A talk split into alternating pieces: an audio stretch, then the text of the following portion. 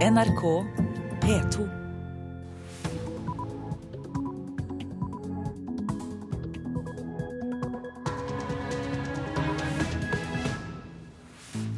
Lille julaften ønsker Øystein Heggen deg vel møtt til Nyhetsmorgen. Nå klokka 6.30 er dette overskriftene. Flere tar opp dyre forbrukslån for å dekke kravene til egenkapital ved boligkjøp. Norske inkassobyråers forening advarer.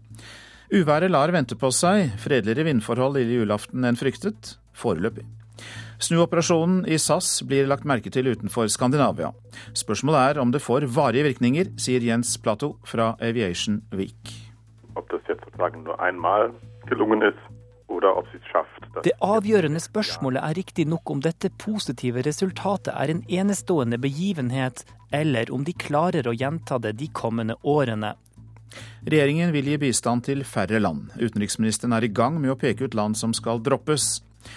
Og vi spør om høstens eh, tiggerrunde med knask eller knep i halloweenkostyme har knust julebukktradisjonen. Stadig flere nordmenn har begynt å ta opp dyre forbrukslån for å kunne dekke de nye kravene om egenkapital ved boliglån. Nå advarer inkassobransjen, skriver Dagens Næringsliv. Det er nå to år siden kravet om egenkapital ved boligkjøp ble økt fra 10 til 15 Finanstilsynet skal få ned nordmenn sin belåningsgrad og gi bankene og kundene ei ekstra sikkerhet hvis boligmarkedet skulle falle. Men nå viser det seg at stadig flere boligkjøpere skaffer egenkapital ved å ta opp forbrukslån, skriver Dagens Næringsliv.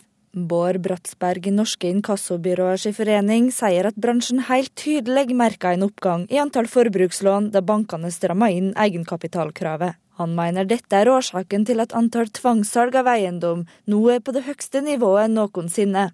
I år er det gjennomført 7144 slike tvangssalg, mot 6156 i fjor. Antallet er nesten dobbelt så høyt som i kriseåret 2008. Det er også en økning på 8,8% fra i fjor. Finanstilsynet som innførte egenkapitalkravet, ønsker foreløpig ikke å kommentere saka. Ellen Wiseth orienterte. Det varslede uværet lar vente på seg, og lille julaften går stort sett fredelig for seg. Men når kvelden nærmer seg, så vil vinden ta seg opp, og det er ventet storm i store deler av landet. Da vil vinden øke til sørlig storm utsatte steder. Og også på julaften så venter vi storm i store deler av landet. Først i Sør-Norge, og utover julaften så beveger sterke vindfeltet seg nordover. Så da er det stormutsatte steder i store deler av landet. Når kan vi forvente at uh, uværet er passert?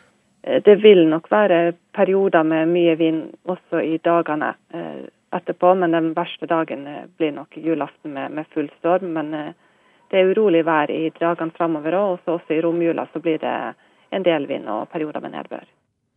Statsmeteorolog Ingrid Bentsen til reporter Joakim Nyquist.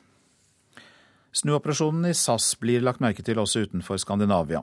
Etter seks år med underskudd kunne selskapet sist uke endelig legge fram et positivt resultat. Det kan igjen gjøre SAS til en mulig oppkjøpskandidat for større flyselskaper, f.eks. tyske Lufthansa. Kraftig turbulens har vært hverdagen for SAS i mange år. Men etter en smertefull snuoperasjon kan konsernsjef Rikard Gustafsson se ut til å ha klart å manøvrere seg ut av den verste stormen. Vi er i en bransje der vi aldri kan slappe av. Sier Gustafsson, som sist uke kunne legge frem det første positive SAS-resultatet på seks år. I en krevende hestekur kutter flyselskapet kostnader. Og det gir nå resultater. Jeg tror på SAS, og jeg tror på våre medarbeidere. Sier Gustafsson. Den betydelige omstillingen SAS gjennomgår, blir lagt merke til i internasjonal luftfart. Blant dem som følger det skandinaviske selskapet tettest, er den tyske Star Alliance-partneren Lufthansa.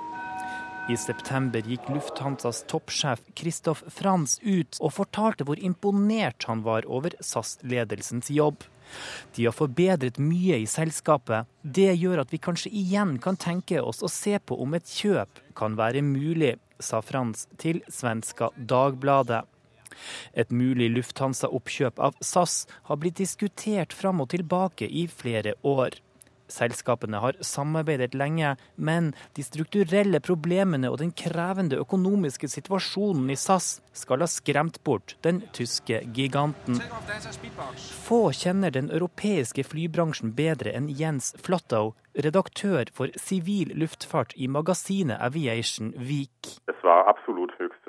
Det var absolutt på høy tid, sier han om snuoperasjonen SAS gjennomfører. Die entscheidende Frage ist aber, ob das jetzt sozusagen nur einmal gelungen ist oder ob sie es schafft. Det avgjørende spørsmålet er riktignok om dette positive resultatet er en enestående begivenhet, eller om de klarer å gjenta det de kommende årene, sier eksperten. Men selv om det går bra med SAS i øyeblikket, kan det bli Norwegian som hindrer selskapet i å bli en del av et større internasjonalt konsern. Wenn man überhaupt dann muss man sich sehr genau überlegen, wo. Und die Frage ist eben... Hvis man i det hele tatt vil kjøpe, må man vurdere nøye hvor man skal gjøre det. Og da må man overveie om det er noe vits i å kjøpe i et marked hvor prisene stadig synker, og det finnes en konkurrent som Norwegian. Hvis jeg var Lufthansa, ville jeg rettet blikket mot andre steder i verden enn Skandinavia, sier Flottow. Dessuten har Lufthansa gjennomført flere andre oppkjøp de siste årene. Mens overtakelsen av Swiss har vært en suksess, sliter tyskerne fortsatt med å få full kontroll med økonomien i Austrian og Brussels Airlines. Lufthansa-talsmann Martin Riken sier til NRK at selskapet ikke har noen umiddelbare planer om ytterligere overtakelser, men at selskapet følger utviklingen i markedet tett. Etter Tyskland, Italia og USA er Skandinavia det viktigste markedet til den tyske giganten. Fra neste sommerprogram øker selskapet antall flyvninger til både Oslo og København. Jens Flottow tror ikke på noe snarlig ekteskap mellom SAS og Lufthansa, for som han sier, også. Lufthansa må gjennomgå endringer. De må gjennom et langt, tungt og komplisert program for å senke kostnadene. Den reportasjen var laget av Hans Christian Hansson. Norge skal i framtida gi bistand til færre land enn i dag. Det sier Høyre-Frp-regjeringen. Utenriksminister Børge Brende tenker allerede på hvilke land som må strykes fra lista.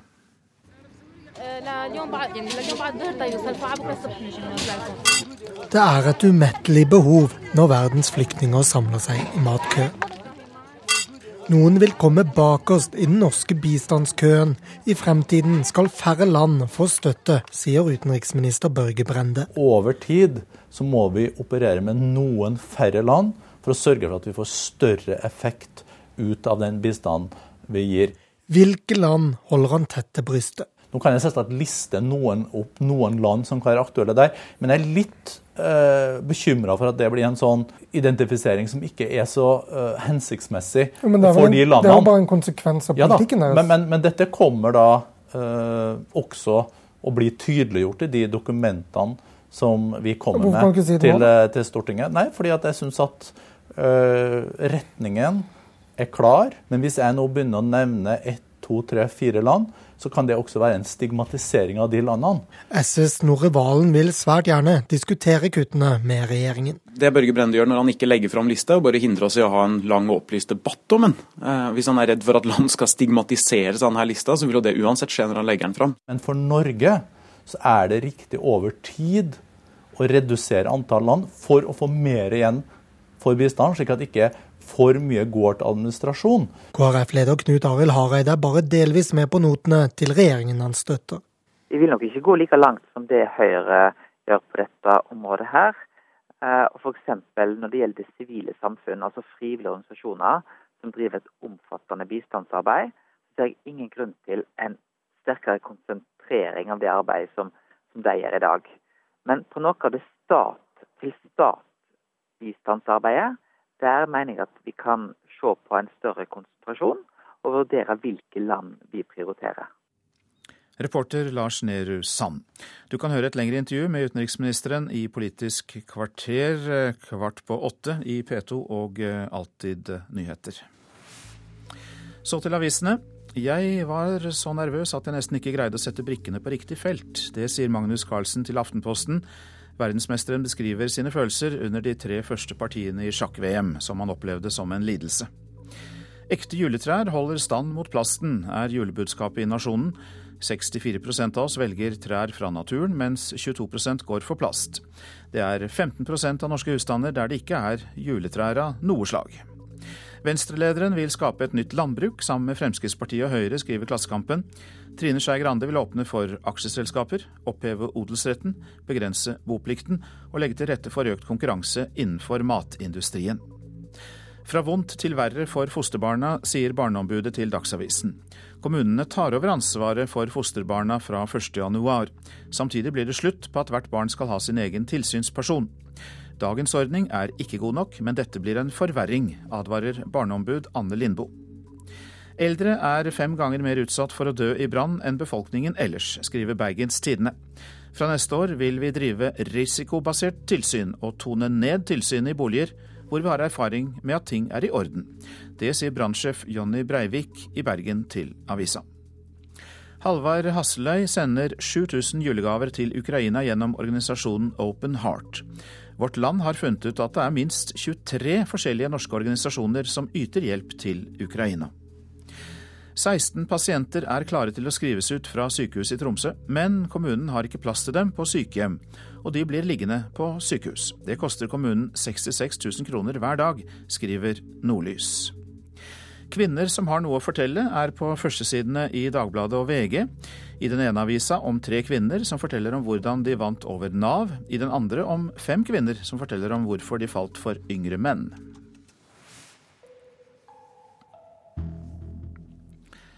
Den ene av de to fengslede medlemmene av den russiske rockegruppa Pussy Riot er satt fri, ifølge hennes advokat. Maria Alekaina ble sammen med to andre medlemmer av Pussy Riot drømt for å håne Russlands religiøse og politiske elite i en kirke i Moskva. Det er ventet at de siste fengslede medlemmet av Pussy Riot blir satt fri seinere i dag, som en følge av et amnesti utstøtt av president Vladimir Putin. Per Christian Skjelbred takker treneren for at han lykkes etter at han kom til Bundesligaklubben Hertha Berlin fra Hamburger Sportsverein. Den tidligere Rosenborg-spilleren sier han har fått tillit i Berlin. Jeg var andre dagen min her, så jeg spilte en kamp fra start. Så det har vært egentlig en oppovertur fra dag én, og veldig erfaringsrikt. Og en positiv opplevelse i forhold til det første året mitt i, i Hamburg. Så har, har det gått sakte, men sikkert oppover, og nå er det veldig artig. For i Hamburger Sportsverein slet han både med tillit og skader. Han skåret ingen mål i løpet av to år i Hamburg, men etter at han ble lånt ut til Heita Berlin i høst, har han skåret mål og fått tillit. Skjelbred mener treneren er den store forskjellen. En trener som tror på meg og trener som ønsker å, bruke meg og er viktig for laget, og da øker selvtilliten òg. Utlånsperioden går ut i mai neste år, men mye tyder på at den kan bli forlenget. For trener Joss Lukwai er meget fornøyd med nordmannen, som han mener er fleksibel og kan benyttes i flere posisjoner på banen. Uh, per is a, a all-round player for us. He play on uh, um, on a couple of uh, positions, but he's a, a, offensive midfield player who can play uh, on the central position, on the right side position. The last game he played on the left side, also he's a, a very uh, flexible player for us. Og med tilliten på klubblaget i Berlin har også landslagsdøra åpnet seg igjen. Det har vært en lang reise. Nå har jeg vært to år ut nesten. Eh, siden jeg kom til Bundesliga så har jeg vært ut. Og få komme inn i varmen igjen og være en viktig del av, eh, viktig del av eh, landslaget og framtida, det, det setter jeg utrolig stor pris på. Reporter Marianne Kvamme Amengual. Du lytter til Nyhetsmorgen, og klokka den går mot 6.44. Dette er hovedsaker. Snuoperasjonen i SAS blir lagt merke til. Det kan igjen gjøre SAS til en mulig oppkjøpskandidat for tyske Lufthansa, tror eksperter. Stadig flere nordmenn tar opp dyre forbrukslån for å dekke kravene til egenkapital ved boliglån, skriver Dagens Næringsliv. Og Mangler du en julegave eller tre, da kan du kanskje bake et brød. Vi skal høre at det kan bli en overraskende og velsmakende gave. Men først om bindingstid for TV-pakker. Tidligere var mange misfornøyde med TV-leverandøren pga. lang bindingstid og komplisert utmelding. Men nå har mange leverandører endret vilkårene. Skal vi se på den her fra i oktober. Vanskelig med oppsigelse, manglende kundeservice. Ja, den er jo egentlig litt illustrerende, den. Juridisk direktør i Forbrukerombudet, Frode Elton Haug, titter på en av mange klager som forteller at det er vanskelig å si opp et TV-abonnement. Prøvde å sende e-post, men så har jeg prøvd å ringe, og har da i tillegg oppdaga at denne oppsigelsestida er, er tre måneder. I februar meldte Kulturnytt at Forbrukerombudet hadde oppretta en aksjonsgruppe som skulle teste TV-tilbudene fra kundenes perspektiv. Grunnen var mange klager på bl.a. lang bindings- og oppsigelsestid. Nå har Forbrukerombudet granska vilkårene til 23 TV-leverandører, og de er godt fornøyde med resultatet. Ingen har lengre bindingstid enn tolv måneder. Eh, alle, bortsett fra to, har redusert oppsigelsestida si til én måned. Eh, og i tillegg så har Kanal Digital eh, gått ned på bindingstida, sånn at det nå kun er seks måneders bindingstid.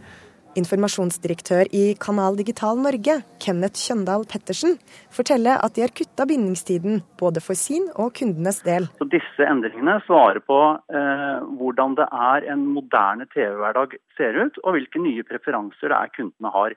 Kundene vil ha større frihet til å velge hva det er de vil se, og hvilke aktører det er de ønsker å være kunder hos. Han er enig med Forbrukerombudet om at det skal være enkelt å si opp et abonnement. Eh, jeg, jeg tror eh, at enhver aktør med tro på seg selv skal gjøre det enkelt for kundene å bli, men også å forlate. Foruten kortere bindings- og oppsigelsestid har strømmetjenestene omtrent kutta ut all binding. Dessuten er flere tilbydere som tidligere ikke godtok elektronisk oppsigelse, snudd.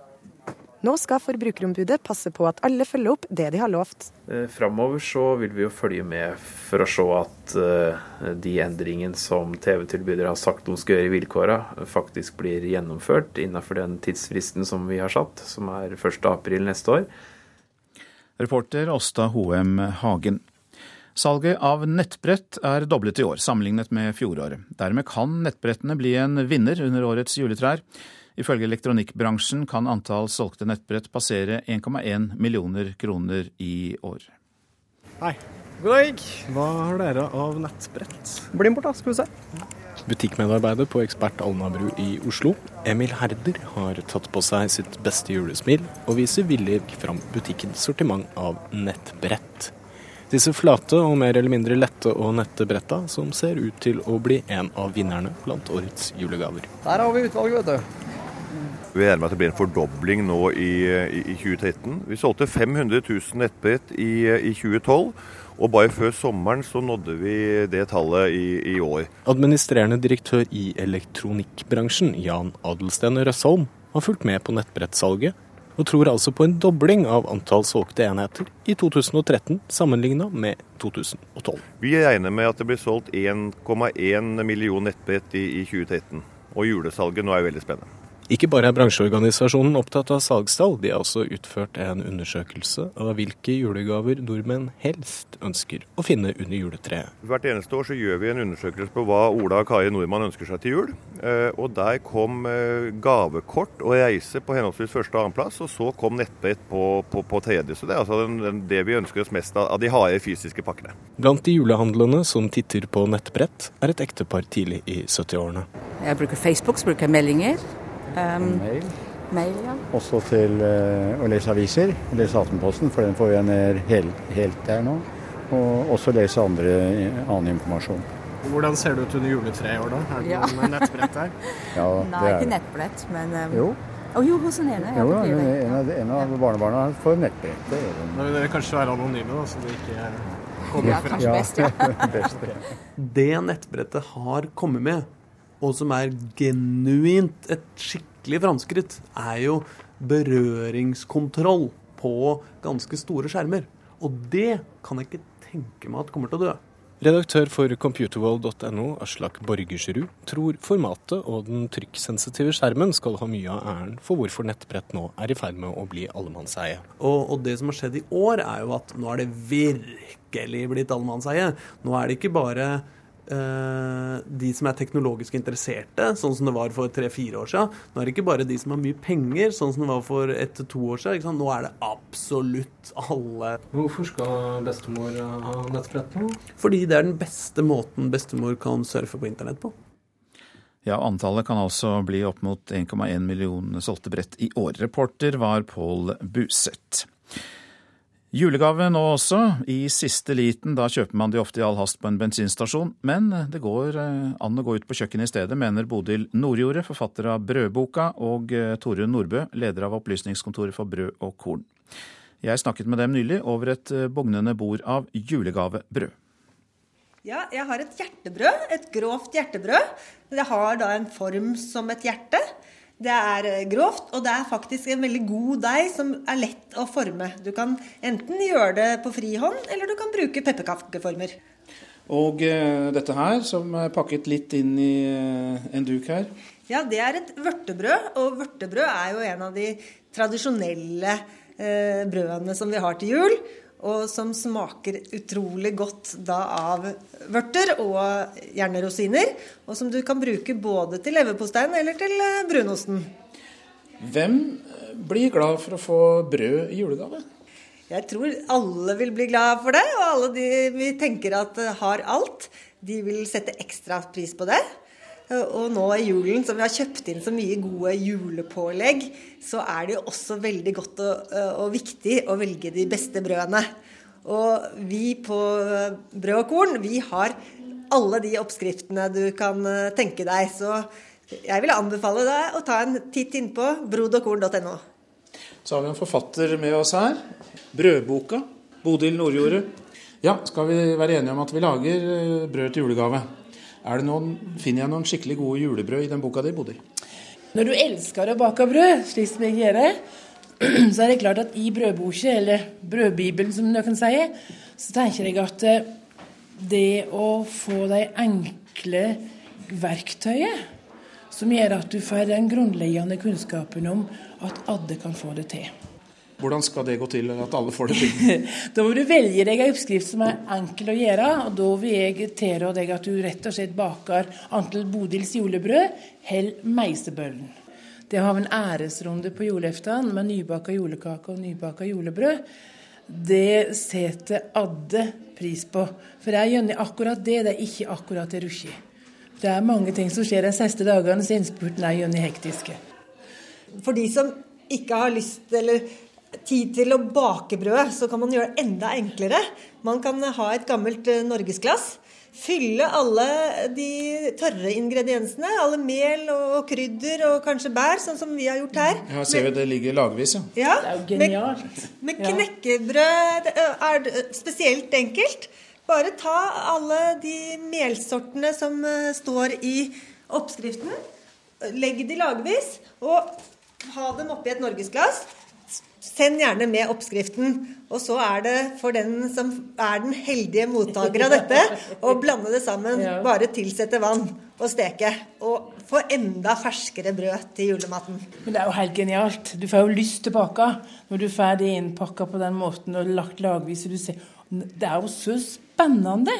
Og det er jo så fullt med sjel. For her er det beregna akkurat at jeg trenger til kanskje to liter vann.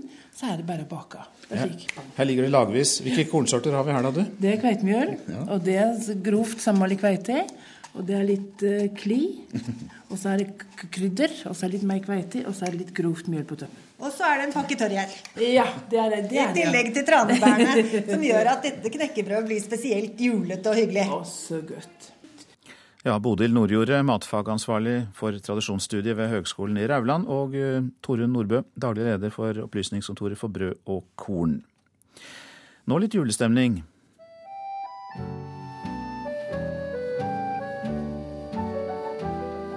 En skulle vært fire år i romjulen, og kjente ei jente som var nesten fem.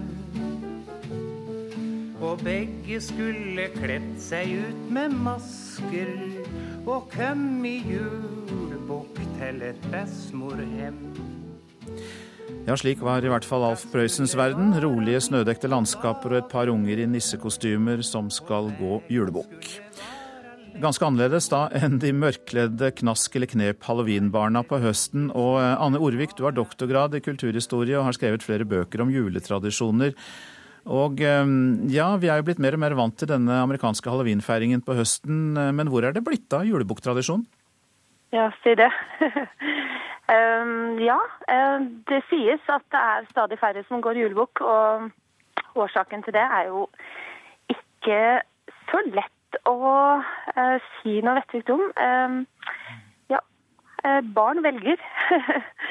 Halloween er blitt veldig populært uh, blant, blant en del. Så um, det kan hende at selve julefeiringen ikke lenger er så praktisk i forhold til det å gå julebukk. Det kan være noe så enkelt som så. Hvis vi skal bidra til å få litt av julebukktradisjonen tilbake, hvilke dager var det tradisjon å gå julebukk? Det var jo i romjula. Eh, og hvis man går tilbake la oss si 100-150 år og beveger oss litt ut på landsbygda, så er det klart at det var jo helt klare regler i forhold til hvordan folk skulle bevege seg i, i romjula og når man skulle være i ro. Um, og um, annendags jul så var det på en måte fritt frem. Da, da, kunne man bevege seg på en helt annen måte. I dag så er jo folk mobile som aldri før. Kanskje det noe grunnen, noe, er noe av grunnen til at uh, julebukken ikke lenger uh, er så populær. Vi er ikke hjemme, vi er på hytta. Vi er ute og reiser, vi er hos familie andre steder i landet. Ja, det er kanskje ikke fullt så praktisk lenger, rett og slett. Dette med å gå julebukk, eh, hvor kom det fra? Hvordan oppsto det? Eh, Nja, det er litt vanskelig å si. Det vi vet, er jo at eh, vi har spor og kilder til julebukken så langt tilbake som på 1600-tallet. Eh, skriftlige kilder som forteller om hvordan man gikk julebukk på landsbygda knyttet til grendene rundt om i landet. Vi har tilsvarende tradisjoner også i andre europeiske land. Så det å kle seg ut og gjøre hva skal jeg si, ablegøyer, sånn som julebukken jo består av, eh, det var vanlig. Eh, eh, et vanlig innslag knyttet til, til julehøytider og, og, for så vidt også andre feiringer gjennom året. Mm. Syns du vi skal ta tradisjonen opp igjen? Jeg har ikke noen sånne sterke formeninger om det. Det, det er nå engang slik at det er folk selv som bestemmer hva, hva, de har lyst til å gjøre og hva de finner mening i. Mm. Takk skal du ha, Anne Orvik. Du har altså doktorgrad i kulturhistorie og har skrevet bøker om eh, juletradisjoner. Nå til eh, værvarselet. Det er det vel mange som er opptatt av, de som skal ut og reise, ikke minst. Fjell i Sør-Norge, sørvestlig liten kuling. Enkelte snøbyger i vestlige områder, ellers stort sett opphold. I kveld sørlig liten storm. Etter hvert snø i nordøstlige områder, opphold. Så tar vi Østlandet og Telemark. Sørvestlig bris på kysten. Nei, sørvestlig bris over hele området, men på kysten liten kuling. Stort sett opphold. I kveld økning til sørlig sterk kuling på kysten. Etter hvert regn og sludd i sør, snø i høyden. Agder får sørvestlig stiv kuling på kysten, enkelte regnbyger, vesentlig i vest, snø over ca. 400 meter. I kveld sørlig sterk kuling på kysten av Agder. Det blir regn og lokalt mye nedbør. Vestlandet sør for Stad sørvest stiv kuling utsatte steder. I formiddag minking til sørlig liten kuling. Regnbyger og haglbyger kan hende med torden. I kveld øking til sørøst liten storm, kan hende full storm i Rogaland. Etter hvert regn, først sør for Bergen. Nedbør som snø i høyden. Møre og Romsdal sørvest stiv kuling på kysten. Regnbyger og haglbyger. Snøbyger i indre og høyereliggende strøk. Utrygt for torden. I ettermiddag minking til sørøst liten kuling. Stort sett opphold fra i ettermiddag. Trøndelag sørvest stiv kuling på kysten. I kveld sørøst liten kuling. Enkelte regn- eller sluddbyger i ytre strøk. Ellers oppholdsvær i Trøndelag. Nordland sørlig bris. Øking til liten kuling på kysten. I kveld stiv kuling i sør. Spredte regnbyger, snøbyger i indre og høyere strøk. Troms skiftende bris, spredte sludd- og snøbyger, men også mye opphold. Finnmark sørlig bris, i østlige deler sørøstlig liten kuling, spredt snø, opphold på vidda. Nordensjøland på Spitsbergen, østlig stiv kuling utsatte steder og litt snø. Temperaturer klokka fire. Svalbard minus seks, Kirkenes minus fem, Varde minus én, Alta minus tre. Tromsø og Bodø pluss én, Brønnøysund pluss tre. Trondheim minus to, Molde null, Bergen pluss to, Stavanger og Kristiansand pluss fire. Gardermoen pluss én, Lillehammer minus én, Røros minus 16, Oslo-Blindern pluss to klokka fire i natt.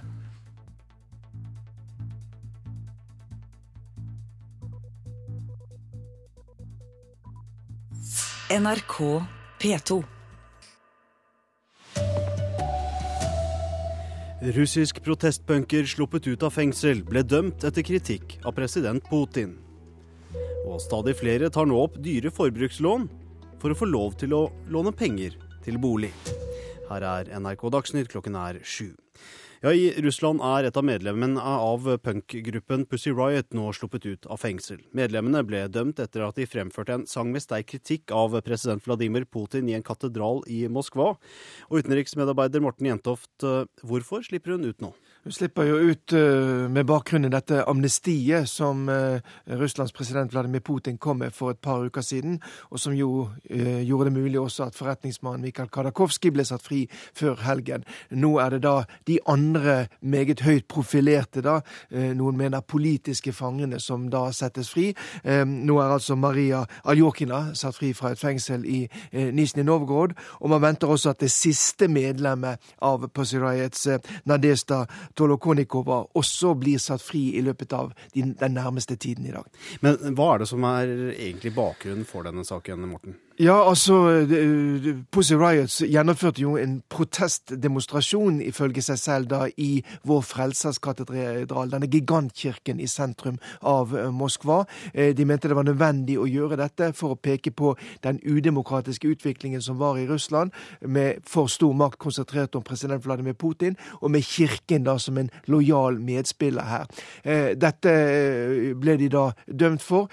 Russere flest synes også at det var umoral umoralsk å gjøre en slik protest i kirken, men disse medlemmene sier at det var nødvendig å gripe til den type virkemidler for å nå frem. Nå tilbake til Norge, for stadig flere nordmenn har begynt å ta opp dyre forbrukslån for å kunne dekke de nye kravene om egenkapital ved boliglån. Nå advarer inkassobransjen. Det er nå to år siden kravet om egenkapital ved boligkjøp ble økt fra 10 til 15% Finanstilsynet skal få ned nordmenn sin belåningsgrad og gi bankene og kundene ei ekstra sikkerhet hvis boligmarkedet skulle falle. Men nå viser det seg at stadig flere boligkjøpere skaffer egenkapital ved å ta opp forbrukslån, skriver Dagens Næringsliv. Bård Bratsberg i Norske Inkassobyråers forening sier at bransjen helt tydelig merka en oppgang i antall forbrukslån da bankene strammer inn egenkapitalkravet. Sa reporter Ellen Wiseth.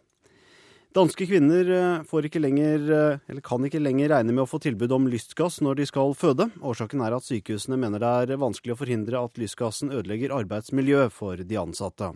Også i Norge har flere fødeavdelinger fjernet eh, lystgassen. Grunnen er fare for spontanabort hos ansatte som får i seg denne gassen. NRK Dagsnytt, Arne Fossland. Nyhetsmorgen fortsetter. Gunstig handlekveld bare for utvalgte, eller 30% avslag med spesielle kredittkort. Forbrukerrådet krever strengere regulering av rabattilbud. Selv om 98% av oss har juletre i stua, er det bare 27% av oss som går rundt juletreet hjemme. Russisk protestpunker sluppet ut av fengsel, som vi hørte i Dagsnytt. Vi får mer om dette. Døren er ikke høy nok, og porten er ikke vid nok. Du kan bli stående på kirketrappa julaften. Har du fått e-post eller brev om en handlekveld på kjøpesenteret for deg som kredittkortkunde, eller kanskje 30% avslag på sportsbutikken dersom du handler med spesielle kredittkort? Stadig flere kredittkortselskaper og forretninger tilbyr kundene sine slike rabatter. Forbrukerombudet ønsker strengere regulering. Vi har ut til våre Eurocard-kunder en rekke forskjellige rabatter og tilbud. Han ønsker å tilby kundene sine noe ekstra. Rolf Steen Andersen, filialsjef i Eurocard Norge, har flere rabattmuligheter på lager. Mye som er knyttet opp til reise og opplevelse, kultur. Opp til juletiden nå så har vi hatt tilbud om om handlekveld, både innenfor en sportsbransje, men også på varehus. Ja, Det vi har sett spesielt i år, og kanskje spesielt i høst, er at uh, det gis uh, kampanjetilbud til uh, de som har kredittkort. Sier Jo Jedrem, han er fagdirektør i Forbrukerombudet. Altså Hvis du har et kort i en bank, så kan du få mail om at nå kan du handle på den og den sportsforretningen for minus 30% f.eks. Det er noe relativt nytt. På kjøpesenter på Aker Brygge i Oslo foregår siste innspurt til julehandelen. Der forteller flere at de har fått e-post fra kredittkortselskapet de bruker. Det har vært noen butikker som har tilbudt rabatt uh, hvis man har brukt uh, gullkortet eller kredittkortet. Ja, det ble tilsendt via mail. Eh, ja, det ene har jeg fått en tilbud om en handlekveld. Og det er nettopp slike handlekvelder og andre rabatter Forbrukerombudet er bekymra for. Man får et veldig uklart bilde av hva tingene koster, når man må regne sammen renter og prisavslag osv. Så. Så, så vi mener at dette bør, uh, dette bør, nok reguleres strengere enn det det er i dag. Gjedrem mener man må vurdere et forbud. Det bør man vurdere. Uh, sier si at Kreditt er en, uh, en, vare som har en såpass stor risiko i seg for forbrukerne at det krever en egen saklighet i markedsføring. Selvfølgelig alltid en problemstilling når folk ikke kan, kan betale regningen sin. Sier filialsjefen i Eurocard. Et eh, forbud mot markedsføring av slike rabatter vil gå mest utover kundene, mener han. Det er ikke kritisk for oss, sånn sett, men det er synd for kundene, som da i så fall vil gå glipp av gode tilbud. Men dersom det skulle blitt forbudt, er det ikke alle som ville blitt like lei seg. Har du noen gang fått tilbud om ulike rabatter og den type ting gjennom kredittkortet? Ja, all verdens ting jeg ikke har bruk for klær som jeg aldri ville kjøpe, og ting som vi ikke kjøper på, på nettet og du ikke kan få prøvd og sånn. Så det er hittil ikke interessant. Reporter her var Irina Kjelle. Det blir noe nedbør sør i landet også i dag, men det varslede uværet er ventet på julaften. Foreløpig er det stille før stormen, men mot kvelden blåser det opp til storm sør i landet. Da vil vinden øke til sørlig storm utsatte steder. Og også på julaften så venter vi storm i store deler av landet. Først i Sør-Norge, og utover julaften så beveger sterke vindfeltet seg nordover. Så da er det stormutsatte steder i store deler av landet. Det sier statsmeteorolog ved Meteorologisk institutt Ingrid Bentsen. Det blir en ruskete innspurt av året, men det verste været kommer altså på den store dagen. Det vil nok være perioder med mye vind også i dagene eh, etterpå, men den verste dagen eh, blir nok julaften med, med full storm. Men eh, det er urolig vær i dagene framover òg, og også i romjula så blir det en del vind og perioder med nedbør. Likevel bør bilister være oppmerksomme også i dag. På Vestlandet er det kolonnekjøring ved flere fjelloverganger, opplyser Eli Solberg i Veitrafikksentralen. Hun advarer mot vanskelige forhold. Jo, det er å være forberedt på at det eventuelt er ventetid eh, for kolonne. Og de må være godt skodd, ha, ha gjerne varm, varme klær og varmt å drikke, være forberedt på ventetid. Og kjøre etter forholdene. Jeg vil anbefale trafikantene til å sette ned farten og holde god avstand til bilen foran. Reporter Joakim Nyquist. Selv om 98% av oss har juletre i stua, så er det bare 27% som går rundt juletreet hjemme. Ja, det kommer fram i en fersk undersøkelse Norstat har gjennomført for NRK. Hjemme hos familien Begley i Oslo må de ommøblere for å få plass til juletreet. Da må vi flytte den her helt bort til bordet, og så pleier vi å ta den andre lille stolen bort. Etter at de gikk over til edelgran, har mamma Malene Begley erfart at juletreet har blitt større og større år for år. De har gått rundt juletreet hjemme, men det er noen år siden. Vi har kanskje gjort det én eller to ganger etter vi fikk barn. Den eldste er snart 13.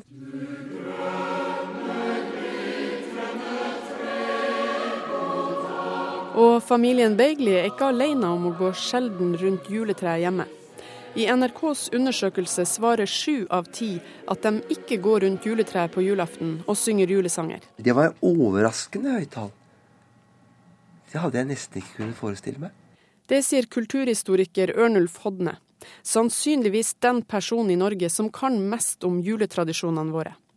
Han ser en markant nedgang i juletregang i hjemmet, men hva er grunnen? At juletreet har fått en annen funksjon. Det er blitt pyntet i en stand. Det andre det er at man kan ikke julesangene lenger. Og så er det en grunn til. Vi er blitt lyttere til julesang, mens vi altså synger stadig mindre sjøl. Englene synger høyt i. At vi ikke går så mye rundt juletreet, har vel litt med at uh, mamma og pappa ikke har gjort det så mye når de var små heller. Verden er aldri helt forlatt. En stjerne skinner i natt. Og når familien Beigli skal synge en julesang, tar de frem En stjerne skinner i natt, som ikke er lettest å gå rundt juletreet til. Og de må ha teksten foran seg. Så sjøl om 98% av oss har et stivpynta tre i stua, er vi et fåtall som reiser oss opp fra sofaen, flytter frem treet, tar hverandre i hendene, går rundt treet og synger. Jeg syns det er trist. For jeg syns at når man er i en familie og feirer julekvelden, så er dette her en fin måte å komme sammen på. Og synge sammen. Og, og være et fellesskap. I NRKs undersøkelse viser det seg at det er Frp og Miljøpartiet De Grønnes velgere som går minst rundt juletreet. Det liker verken FrPs Christian Tybring-Gjedde ja, Det er jo for dårlig, da eller MDGs talsperson Hanna E. Markussen. Jeg tror ikke jeg skal spekulere så mye i grunnen, men jeg syns jo det var veldig mye. Kanskje det er en ny trend? 87% av De grønnes velgere går ikke rundt juletreet mens talsperson Markussen faktisk tilhører mindretallet på 11% som går. For meg så er det, det er en koselig del av juletradisjonen, rett og slett. Og så er det jo hyggelig eh, noe med stemningen å synge julesanger. Det å gjøre noe familien sammen som en tradisjon. Ikke overraskende er det KrF og Høyre-velgerne som går mest rundt juletreet hjemme i stua. Når det gjelder de sosiale mønstrene, viser det seg at skikken står sterkest i byene, hos dem med lengst utdannelse og høyest inntekt. Og når husstanden består av mer enn fem personer, øker juletregangen merkbart. Tilbake på Stortinget har Tybring-Gjedde lagt merke til noe interessant. Ellers er det jo litt interessant å se at det er ganske mange av SVs velgere som eh, går rundt juletreet, og det rimer kanskje ikke helt overens med hvordan de selv tidligere har uttalt seg eh, når det gjelder eh, juletradisjoner og annet. Men så viser det seg at Frp-eren, som tilhører et parti som snakker varmt om norske tradisjoner, sjøl ikke går rundt juletreet. Er det sånn du ønsker at Frp skal være, en som ikke går rundt juletreet? Nei, det gjør jeg ikke. Jeg går gjerne rundt juletreet. Og, og, kanskje i år blir vi faktisk syv stykker på julaften. Kanskje vi skal gå rundt juletreet hvis vi får plass i stua, da. Reporter Eva Marie Bullai. Ane Orvik, du har doktorgrad i kulturhistorie og har skrevet bøker om juletradisjoner. Og for nye lyttere så kan vi fortelle at du var med oss før sju og snakket om julebukktradisjonen. Men nå om dette med juletregang. Ja, vi hører ja. altså at uh, bare 27% av oss går rundt juletreet hjemme, men uh, denne tradisjonen med å gå rundt juletreet på juletrefester lever fortsatt. Hvorfor uh, er det færre som går rundt, tre, rundt treet hjemme i stua? Ja, godt spørsmål. Jeg tror det ble litt antydet i innslaget her. Det kan nok rett og slett være at vi ikke synger så mye som før, og at vi rett og slett ikke kan sangene godt nok. Um, å gå rundt juletreet, alt ettersom hvor stort treet er, fordrer jo også at det er nok personer til stede, slik at man faktisk kan danne en ring rundt. Uh, det løser seg jo greit på juletrefester. Uh, mens uh, en liten kjernefamilie kan få utfordringer på det området. Um, ellers så er det kanskje litt Altså, det blir jo litt spekulasjoner, men det å gå rundt juletreet handler jo også om å synge religiøse sanger. Og det kan jo hende at er i ferd med å Hva skal jeg si Altså at sekulariseringen rundt julen også er i ferd med å nå juletregangen, for å si det sånn. Men er det en kristen tradisjon? Uh, å gå rundt juletreet. Mm. Uh, å passere et juletre i stua er en kristen tradisjon. Eh, og julesangene som man tradisjonelt har synget eh, når man går rundt juletreet, de er jo også kristne.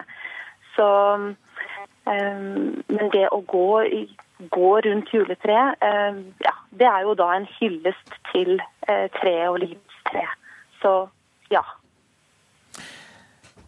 Hvor, hvor og når dukket det opp? Å gå rundt juletreet? Mm -hmm. Ja. Eh, det var nok noe som startet eh, i, hva skal jeg si, i borgerlige miljøer, borgerlige miljøer i, i, i, byene i Norge på 1800-tallet. Eh, siste halvdel av 1800-tallet, først og fremst. Og beveget seg sakte, men sikkert utover i bygdene og, og hva skal si, de mer grisgrendte strøkene på 1900-tallet. Så veldig gammel er den ikke. Det er den ikke. Takk skal du ha, Anne Orvik, som har doktorgrad i dette med kulturhistorie og har skrevet om juletradisjoner. Dette er Nyhetsmorgen, og klokka den er 7.15 der. Dette er hovedsaker. Russisk protestpunker sluppet ut av fengsel. Forbrukerrådet krever strengere regulering av rabattilbud, kritisk til gunstige handlekvelder bare for utvalgte, eller 30% avslag f.eks., dersom du bruker spesielle kredittkort.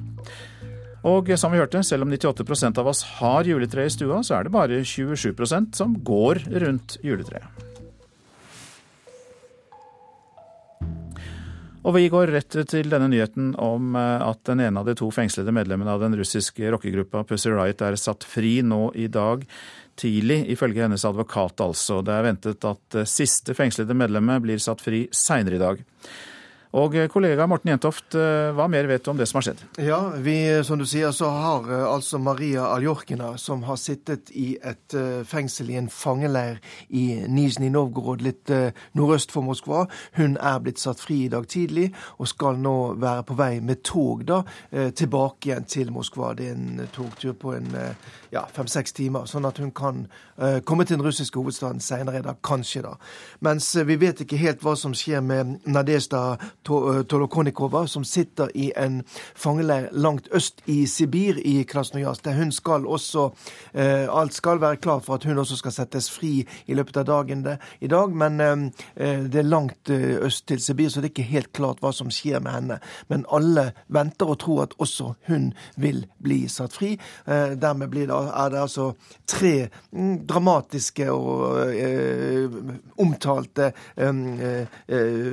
fanger som da er sluppet løs fra russiske fengsler de siste dagene. Ja, vi har jo forretningsmannen Mikhail Khodorkovskij. Og eh, hva er det president Vladimir Putin ønsker å oppnå med disse amnestiene? Han ønsker nok å rydde litt i bakgården da foran OL i Sotsji til våren. Han ønsker ikke at det skal være for mye oppmerksomhet rundt nettopp eh, disse eh, politiske fangene. Særlig Pussy Riot ser jo på seg selv da, som rene politiske fanger.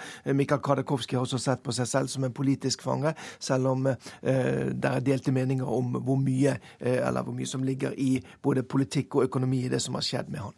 Mange takk, Morten Jentoft.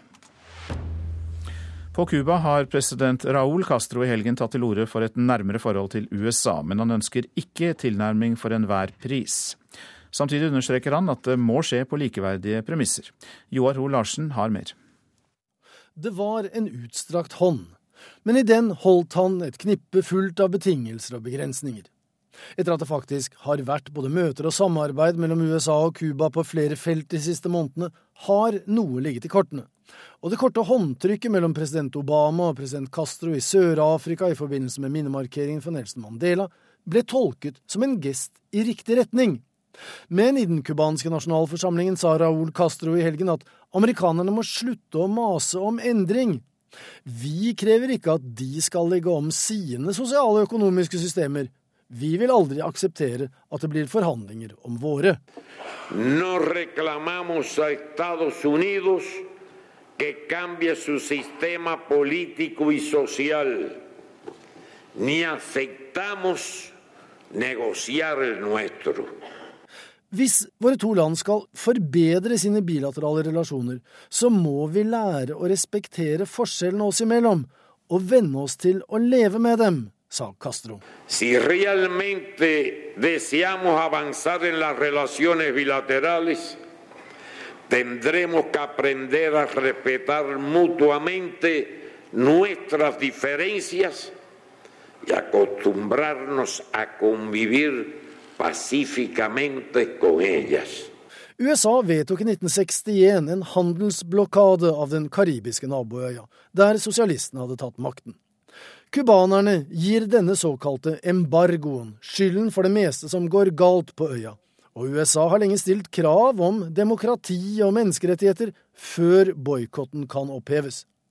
Cubanerne har selv for lengst erkjent at reformer må til, men de vil at de skal skje på egne premisser og i eget tempo.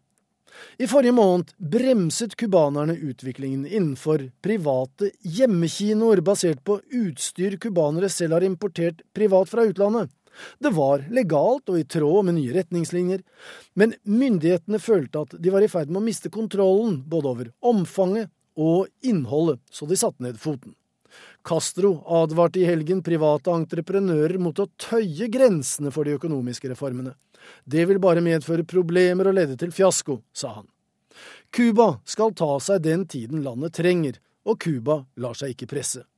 Og med referanse til handelsblokaden 55 år etter at storebror Fidel ledet an i den sosialistiske revolusjonen, så sa han at Cuba kan holde ut med dette i 55 år til. Estamos dispuestos a soportar otros 55 años en la misma situación.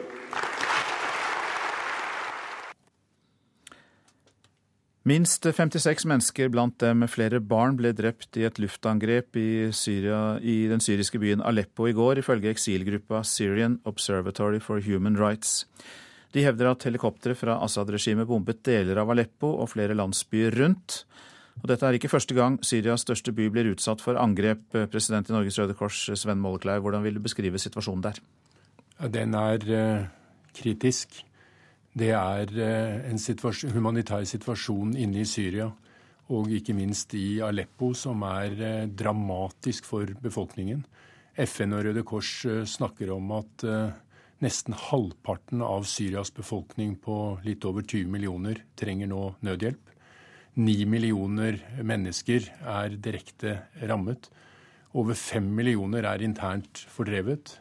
Vi snakker om at over 120 000 mennesker er drept, og over 500 000 er skadet. Og situasjonen inne i Aleppo med de harde kampene som der pågår, eh, uttrykker nettopp den desperasjonen. Tenk også på en ting er mangel på mat, vann, helsehjelp, men den frykten folk hele tiden føler for ikke å vite om en granat eh, treffer en i, i neste sekund. Vi beklager at det kommer litt uh, lyd uh, inn på sendingen her, så vidt jeg vet, men uh, vi fortsetter likevel. hvordan fungerer helsevesenet i Aleppo, hvis det i hele tatt er noe helsevesen der nå? Ja, Sykehusene er også rammet. kapasiteten er totalt sprengt. Eh, mulighetene for ambulansene og de frivillige fra Syria Røde Halvmåne er begrenset i deler av eh, Aleppo der kamphandlingene pågår. Vi har altså tilgang til Aleppo, men vi holdes utenfor eh, deler av de områdene hvor de verste kamphandlingene pågår. Det er selvfølgelig helt uakseptabelt i henhold til internasjonal humanitærrett. Men det begrenser vår mulighet både til å frakte de døde ut og til å gi akutt livgivende hjelp inne i de aller mest utsatte bydelene. Hvilke minimumsmuligheter har dere for å yte hjelp, Røde Kors altså? Ja, Nå er Syria Røde Halvmåne til stede i alle 14 eh, provinser i hele Syria. På alle sider av alle frontlinjer. Og jeg må understreke alle sider av alle frontlinjer, fordi her er det mange ulike parter som også slåss mot hverandre. Og man har bygd opp denne tilstedeværelsen. Og eh, inne i denne kritiske situasjonen så er det altså flere som nå søker seg til Syria Røde Halvmåne for å ville hjelpe, fordi de føler seg totalt traumatisert eh, inne i eget land, og de vil prøve å bistå. Eh, men vi ser at i områder der kamphandlingene pågår, enten det var i Damaskus, i Homs eller i Aleppo, så eh, holdes man midlertidig eh, ute og vekk, hvilket begrenser tilgangen. Samtidig ser vi at når 32 av Syria-Røde Halvmånes egne frivillige er skutt og drept mens de utførte en humanitær eh, hjelp, så er det et uttrykk for en situasjon vi kanskje ikke har sett noen sted i verden noen gang, hvor så mange av de som er der for å hjelpe ofrene, selv blir direkte offer. Så den appellen er ikke bare til alle partene inne i eh, Syria om å beskytte sivile, men også gi tilgang til helsepersonell. Og la oss få lov å arbeide eh, fritt for å hjelpe folk. Og Vi ser jo nå at eh, FN og Røde Kors sammen har sagt at de skal prøve å gi mathjelp til over fire millioner mennesker, altså dramatisk trappe opp. Og det er behov også for Eh, hjelp til de som fryser. Mange takk, Sven Molkleiv, som altså er president i Norges Røde Kors. Så går jeg over til det avisene har på sine forsider i dag. Jeg var så nervøs at jeg nesten ikke greide å sette brikkene på riktig felt. Ja, det sier Magnus Carlsen til Aftenposten. Verdensmesteren beskriver sine følelser under de tre første partiene i sjakk-VM, som han opplevde som en lidelse. Ekte juletrær holder stand mot plasten, er julebudskapet i Nasjonen. 64% av oss velger trær fra naturen, mens 22% går for plast. Det er 15% av norske husstander der det ikke er juletrær av noe slag. Venstrelederen vil skape et nytt landbruk sammen med Fremskrittspartiet og Høyre, skriver Klassekampen. Trine Skei Grande vil åpne for aksjeselskaper, oppheve odelsretten, begrense boplikten og legge til rette for økt konkurranse innenfor matindustrien. Fra vondt til verre for fosterbarna, sier Barneombudet til Dagsavisen. Kommunene tar over ansvaret for fosterbarna fra 1.1. Samtidig blir det slutt på at hvert barn skal ha sin egen tilsynsperson. Dagens ordning er ikke god nok, men dette blir en forverring, advarer barneombud Anne Lindboe. Eldre er fem ganger mer utsatt for å dø i brann enn befolkningen ellers, skriver Bergens Tidende. Fra neste år vil vi drive risikobasert tilsyn, sier brannsjef Jonny Breivik i Bergen. Og altså tone ned tilsyn i boliger der de har erfaring med at ting er i orden. Halvard Hasseløy sender 7000 julegaver til Ukraina gjennom organisasjonen Open Heart. Vårt land har funnet ut at det er minst 23 forskjellige norske organisasjoner som yter hjelp til Ukraina. 16 pasienter er klare til å skrives ut fra sykehus i Tromsø, men kommunen har ikke plass til dem på sykehjem, og de blir liggende på sykehus. Det koster kommunen 66 000 kroner hver dag, skriver Nordlys. Kvinner som har noe å fortelle er på førstesidene i Dagbladet og VG. I den ene avisa om tre kvinner som forteller om hvordan de vant over Nav. I den andre avisa om fem kvinner som forteller om hvorfor de falt for yngre menn.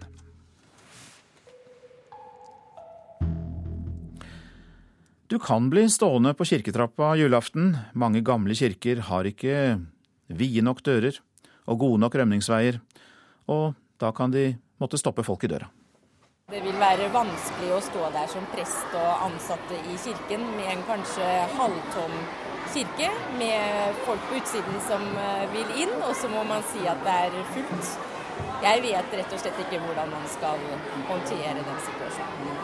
Kapellan Lisa Holm Johansen i Onsøy kirke står i døra for å ønske skoleelevene som skal på julegudstjeneste, velkommen.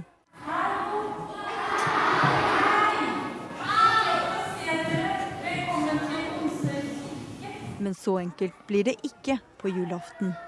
For mens skolene har varslet hvor mange de blir, slik at alle får plass, risikerer Kirken å måtte stoppe folk i døra på julaften, fordi nye regler gjør at antall sitteplasser nærmest må halveres.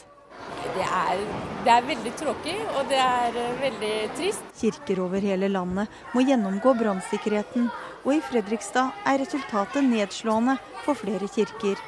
Sammen med brannvesenet har bygningssjef Heine Langsholt ved Fredrikstad kirkevergekontor gått gjennom rømningsveier og nødutganger, som viser seg å være for få og for trange. I enkelte av kirkene så er som gamle verneverdige kirker de har jo ikke så veldig mange dører i ytterveggene. Og Derfor så, så er det jo da følge regelverket, da, så må vi jo hensynta det. da. Og det betyr at Onsøy kirke, som har sitteplasser til 500, kun får slippe inn 264. Glemmen kirke har 600 sitteplasser, men bare litt over 400 får komme inn. Det betyr at du risikerer å bli stående på kirketrappa på julaften, på en av årets mest besøkte dager. Kirketjener Ann-Kristin Torp i Onsøy sier de er forberedt. Nei, Vi må jo ha flere vakter og parkeringsvakter og prøve å få gjennomført det på en grei måte med det. At det er vakter ved utgangsdører og, og godt med parkeringsvakter, ikke minst. Sånn at uh, utrykningsbiler kan komme fram.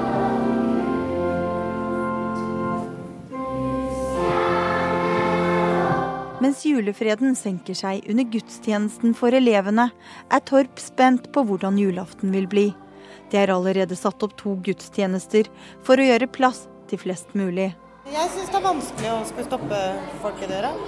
Men, eh, Men det er det på den første, så får vi jo bare si at da for dere kommer på neste. Men det er, det er veldig vanskelig. Og det, skal, det blir ikke noe hyggelig å være den som må stoppe dem hvis det er sånn.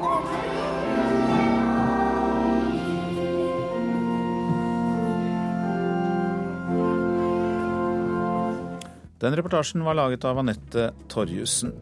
Prosent for Nyhetsmorgen, Marit Selmer Nedrelid. I studio, Øystein Heggen.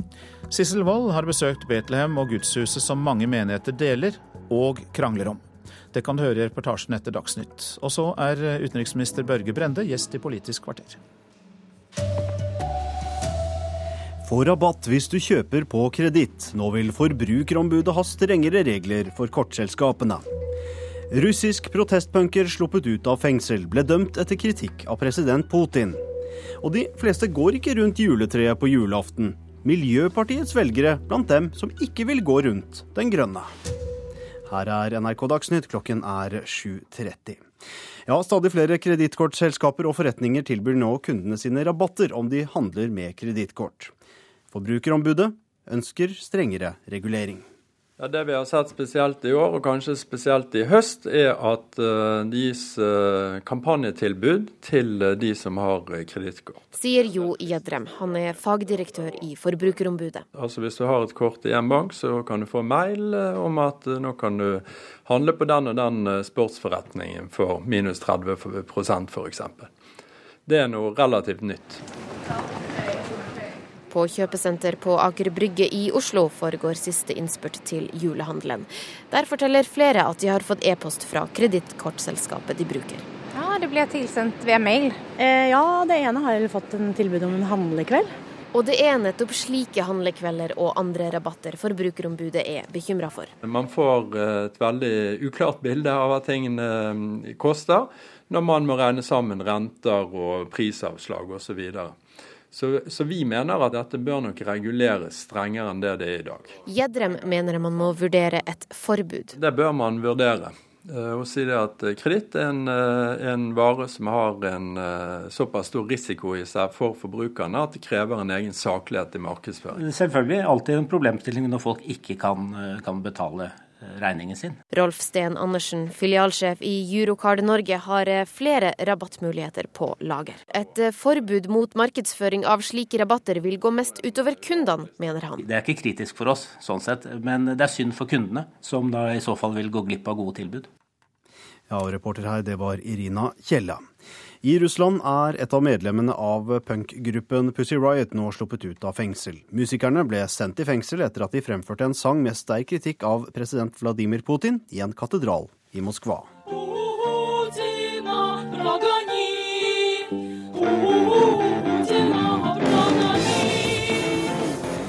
det er altså denne sangen som gjorde at de fikk problemer med russiske myndigheter og utenriksmedarbeider Morten Jentoft. Hva er grunnen til at dette medlemmet slipper ut nå? Ja, Formelt sett så har da Vladimir Putin, russiske presidenten, gitt et amnesti da, som også omfatter innsatte som har barn.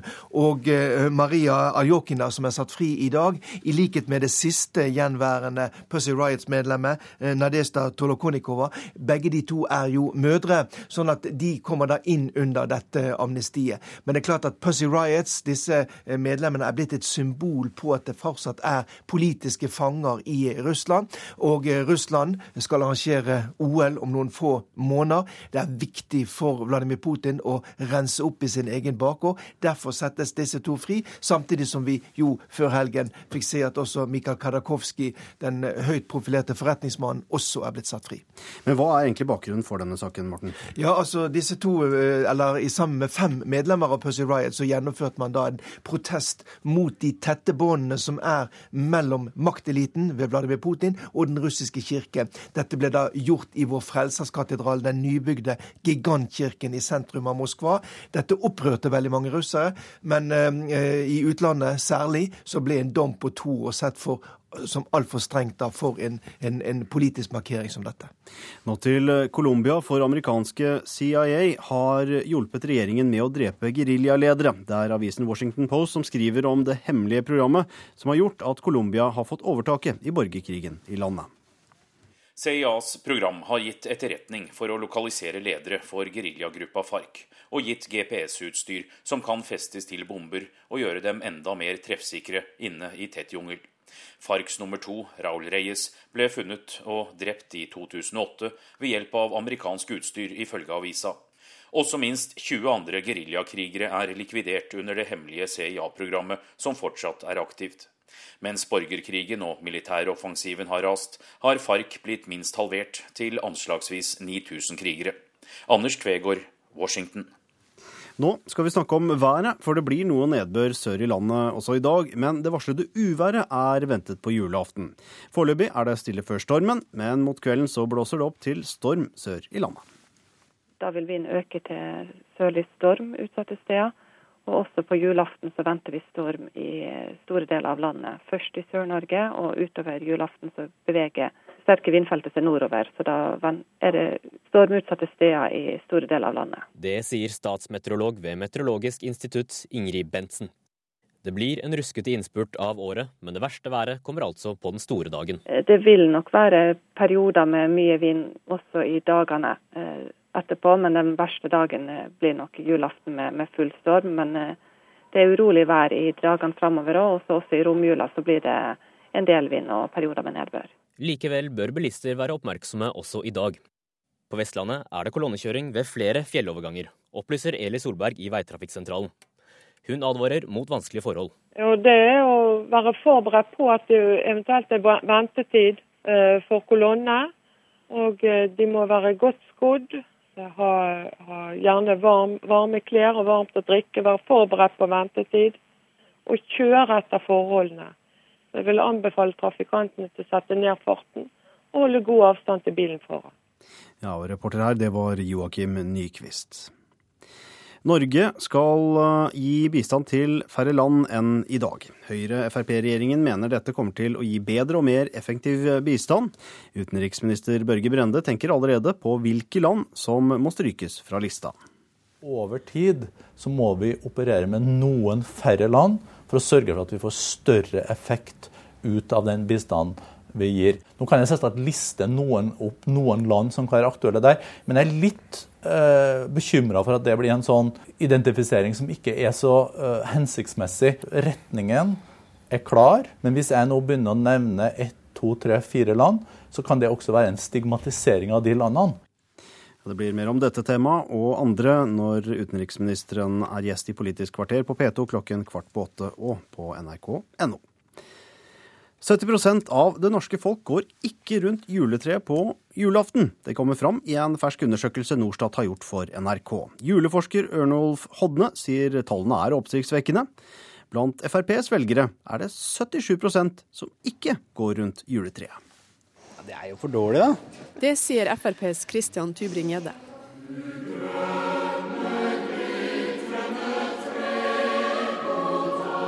Frp har selskap av Miljøpartiet De Grønne nederst på statistikken. Mens det ikke overraskende er KrF og Høyre-velgerne som går mest rundt juletreet hjemme i stua. Ellers er det jo litt interessant å se at det er ganske mange av SVs velgere som eh, går rundt juletreet. Og det rimer kanskje ikke helt overens med hvordan de selv tidligere har uttalt seg eh, når det gjelder eh, juletradisjoner og annet. Det var overraskende høyt tall. At 70% av oss ikke går rundt juletreet, sjokkerer kulturhistoriker Ørnulf Hodne. Sannsynligvis den personen i Norge som kan mest om juletradisjonene våre. Han ser en markant nedgang i juletregang i hjemmet, men hva er grunnen? At juletreet har fått en annen funksjon. Det er blitt pyntegjenstand. Det andre det er at man kan ikke julesangene lenger. Og så er det en grunn til. Vi er blitt lyttere til julesang, mens vi altså synger stadig mindre sjøl. Tilbake på Stortinget kommer det frem at Tybring-Gjedde, som tilhører et parti som snakker varmt om norske tradisjoner, sjøl ikke går rundt juletrær. Er det sånn du ønsker at Frp skal være, en som ikke går rundt juletreet? Nei, det gjør jeg ikke. Jeg går gjerne rundt juletreet. Og, og, kanskje i år blir vi faktisk syv stykker på julaften. Kanskje vi skal gå rundt juletreet hvis vi får plass i stua, da.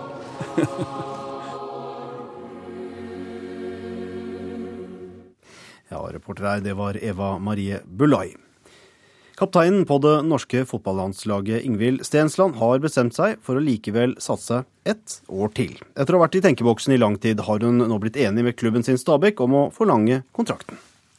Jeg kjenner at lysten til å spille fotball var, var, der fortsatt. Av de erfarne spillerne har landslaget mistet Solveig Gulbrandsen, som har lagt opp, og Marit Fianne Christensen, som er gravid. Derfor håper Stensland å kunne bidra med sin erfaring mot neste VM. Så, vi håper at jeg kan bidra i hvert fall ett år til med, med litt rutine. Ja, og Reporter her, det var Marianne Kvamme Amengual.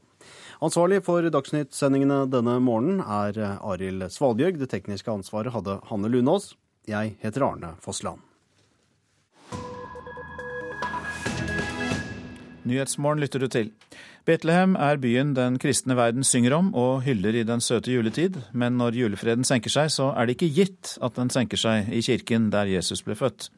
Sissel Wold har besøkt Betlehem og gudshuset, som mange menigheter deler og krangler om.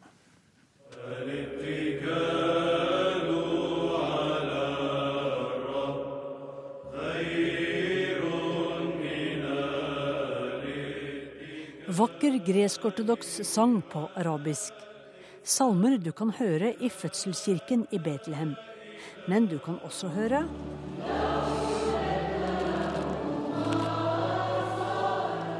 Katolikker som synger i kirkerommet vegg i vegg. Den er en av verdens mest berømte og viktigste gudshus, og besøkes av to millioner tilreisende hvert år. Det var Helena, mor til den romerske keiser Konstantin, som satte i gang storstilt kirkebygging i Det hellige land. Både gravkirken over Golgata og fødselskirken i Betlehem. Den står ferdig i år 340. Men et samaritanopprør og flere jordskjelv har ødelagt steinkirken, så den har vært ombygget flere ganger de siste 1800 årene. Igjen skal den restaureres, og det er på høy tid. È condizione veramente da oltre 200 anni che non viene eh, restaurata, non viene fatto grandi manutenzioni. E. Kirken har ikke vært ordentlig vedlikeholdt på 200 år. Og vi gjør så godt vi bare kan nå i denne viktige kirken, sier Marcello Piacenti til Reuters. Å få satt i gang reparasjon eller ombygging av gudshus er ingen selvfølge i Det hellige land, der religiøse menigheter heller ligger i strid med hverandre enn å samarbeide. الضابط الخليقة بأسرها Kirken som står på krybbeplassen i dag, er bygget under den romerske keiser Justitian i 565. Først i 2012 ble kirken satt på listen over Unescos verdensarv, og står også på listen over truet verdensarv. Flere av takbjelkene er råtne, og regn lekker gjennom taket. Eh, santi, importanti, e artisticamente veramente importanti. Vi er vant til å jobbe på hellige steder, men følelsene blir ekstra sterke her inne, sier Piacenti. For dette er et bygg som får frem de sterkeste følelser hos mange. Ifølge troende ble Jesus født i grotten som ligger under kirkegulvet, der en stor sølvstjerne markerer selve stedet. Hver dag står kristne pilegrimer timevis i kø for å få kysset stjernen. Så stor var oppstandelsen da sølvstjernen ble stjålet i 1846. Da regjerte den osmanske sultanen i Det hellige land, og han sørget for å få på plass en ny stjerne. Men den hadde latinsk påskrift, noe det russiske tsarriket, med den ortodokse kirken, reagerte kraftig på. Og igjen var en av de mange dragkampene mellom ortodokse og katolikker i gang. For selv om Jesu fødsel skulle varsle en ny tid med fred og nestekjærlighet, er det ikke alltid kjærlighet som preger livet mellom Guds tjenere i Betlehemskirken. Kirken styres sammen av den romersk-katolske, gresk-ortodokse og armenske kirken. Så et godt tegn før jul er det at ortodokse, katolikker og armenere er blitt enige om at verdens viktigste julekirke må restaureres før den kollapser.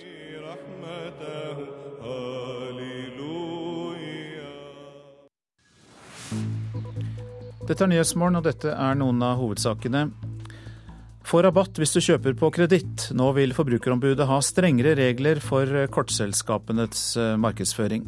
Stadig flere nordmenn tar opp dyre forbrukslån for å dekke de kravene til egenkapital som stilles ved boliglån. Norske inkassobyråers forening advarer. Russisk protestpunker sluppet ut av fengsel ble dømt etter kritikk av president Putin. De fleste går ikke rundt juletreet på julaften. De aller fleste av Miljøpartiets velgere er blant dem som ikke vil gå rundt det grønne treet. Det blir eh, noe nedbør eh, sør i landet også i dag, men det varslede uværet er ventet først på julaften. Og Programleder for Politisk kvarter er Lars Nehru Sand. Han har vært i Utenriksdepartementet og møtt utenriksministeren. Børge Brende varsler kutt i antall land som mottar norsk bistand.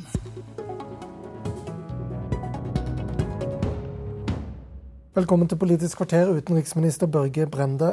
Rundt et kjøkkenbord et sted i Norge så er det kanskje en familie som vil hjelpe noen som trenger det ekstra før jul.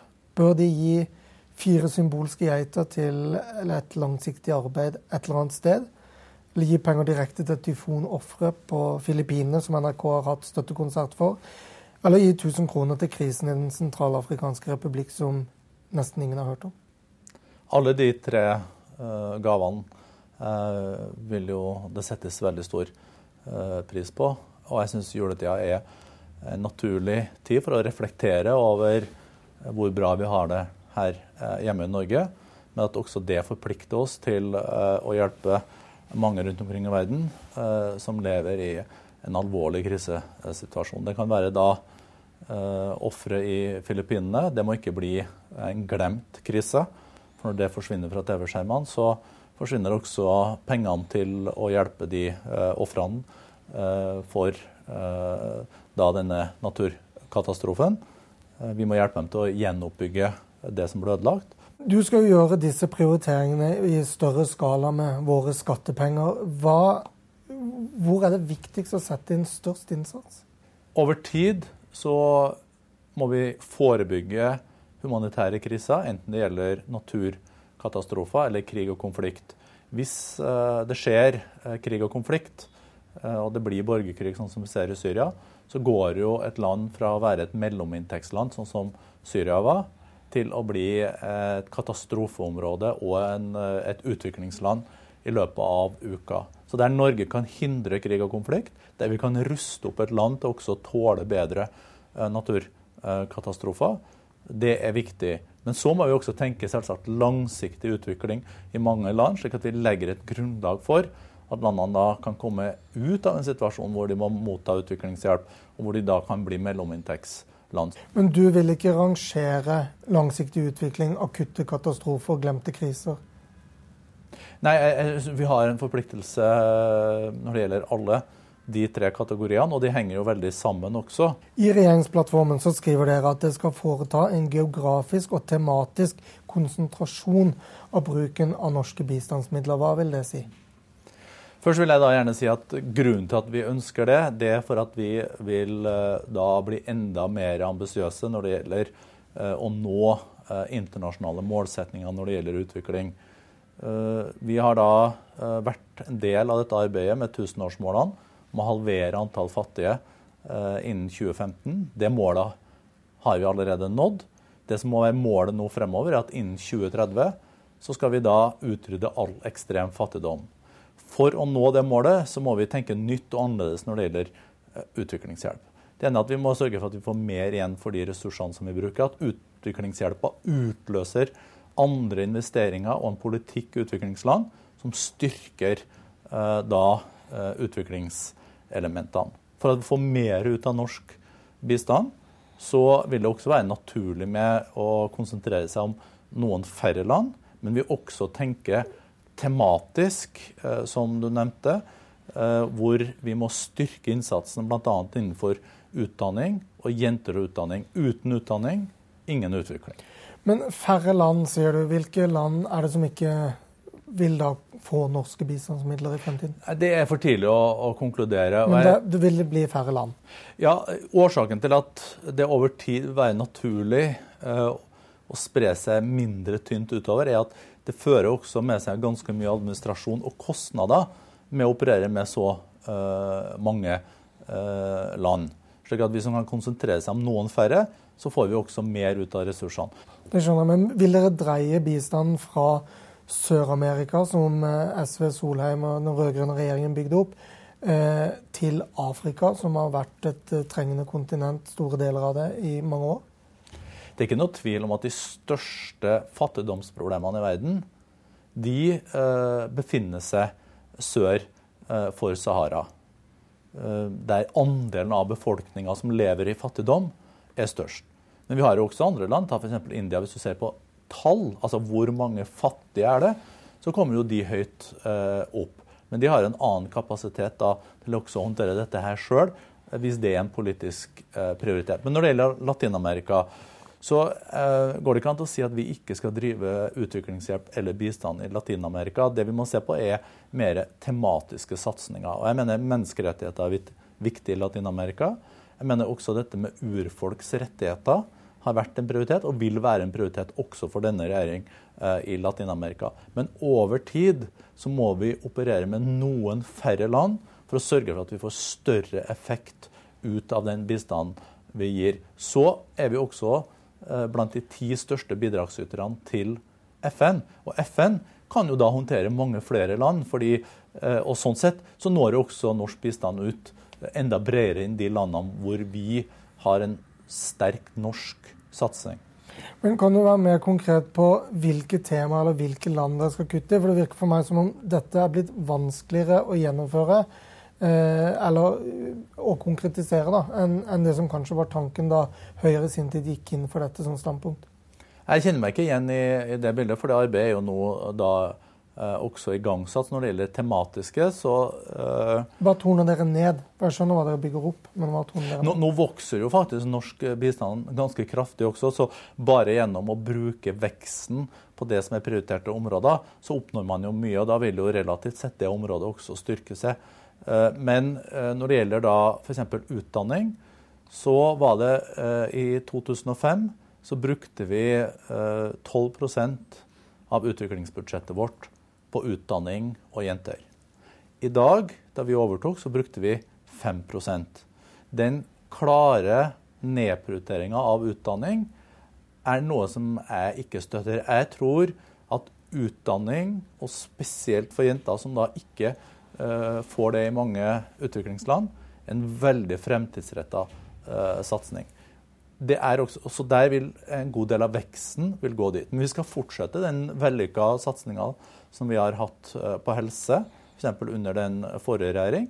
Og så er det nok slik at i en del av de utviklingslandene hvor vi da ikke gir så mye, og hvor vi har en lav satsing, og hvor administrasjonskostnadene blir uforholdsmessig høye, så må vi eh, da eh, se på om vi skal da gi den bistanden gjennom FN og multilaterale organisasjoner, i stedet for direkte gjennom Norge. Nå kan jeg selvsagt liste noen opp noen land som kan være aktuelle der, men jeg er litt eh, bekymra for at det blir en sånn uh, identifisering som ikke er så uh, hensiktsmessig for de landene. Det er bare en konsekvens av politikken deres. Men, men, men, dette kommer da uh, også å bli tydeliggjort i de dokumentene som vi kommer med si til, til, Stortinget. Nei, fordi at jeg syns at retningen er klar, både når det gjelder tematiske og ønsket om å redusere antall land. Det vil komme.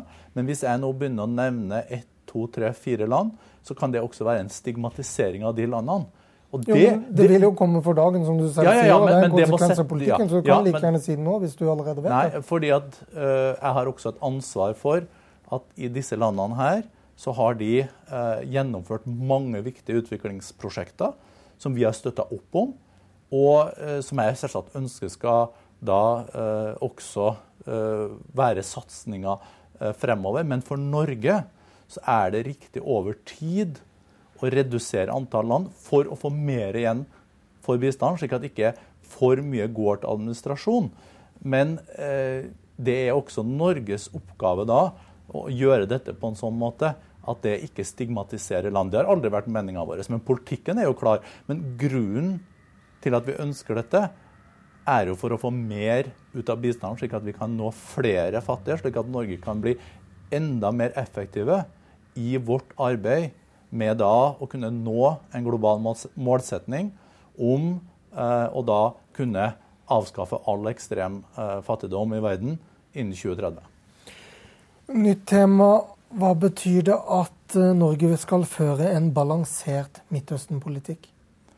Det betyr at vi eh, støtter sterkt opp om eh, det fredsinitiativet som USAs utenriksminister John Kerry har tatt. Han har nå fått Israel og Palestina til å sette seg ned og starte forhandlinger igjen etter to års opphold.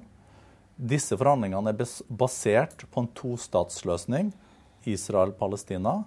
Den er også basert på grensene før eh, 67.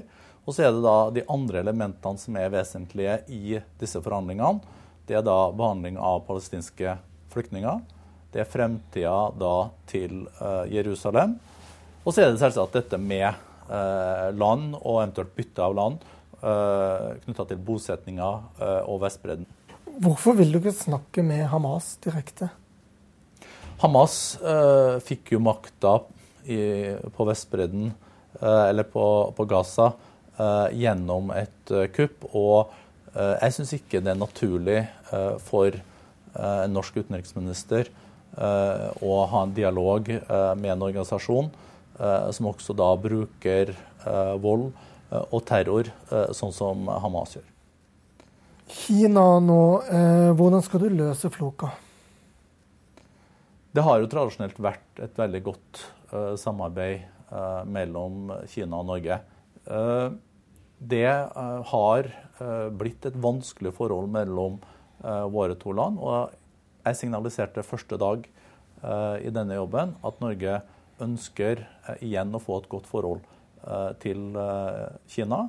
Og vi jobber langs de linjene. Men dette, det finnes ikke noe quick fix her, for det sitter langt inne etter det Kina har opplevd som da Og de opplever som negative signaler fra Norge. Og nå har jeg da forsøkt å få forklart at vi har stor respekt for mye av det Kina har fått til. Bl.a. når det gjelder fattigdomsbekjempelse, så er det over en halv milliard kinesere som har blitt løfta ut av bunnløs fattigdom og, eh, og, har fått et liv med muligheter for både arbeid, eh, de har fått eh, også et helsesystem.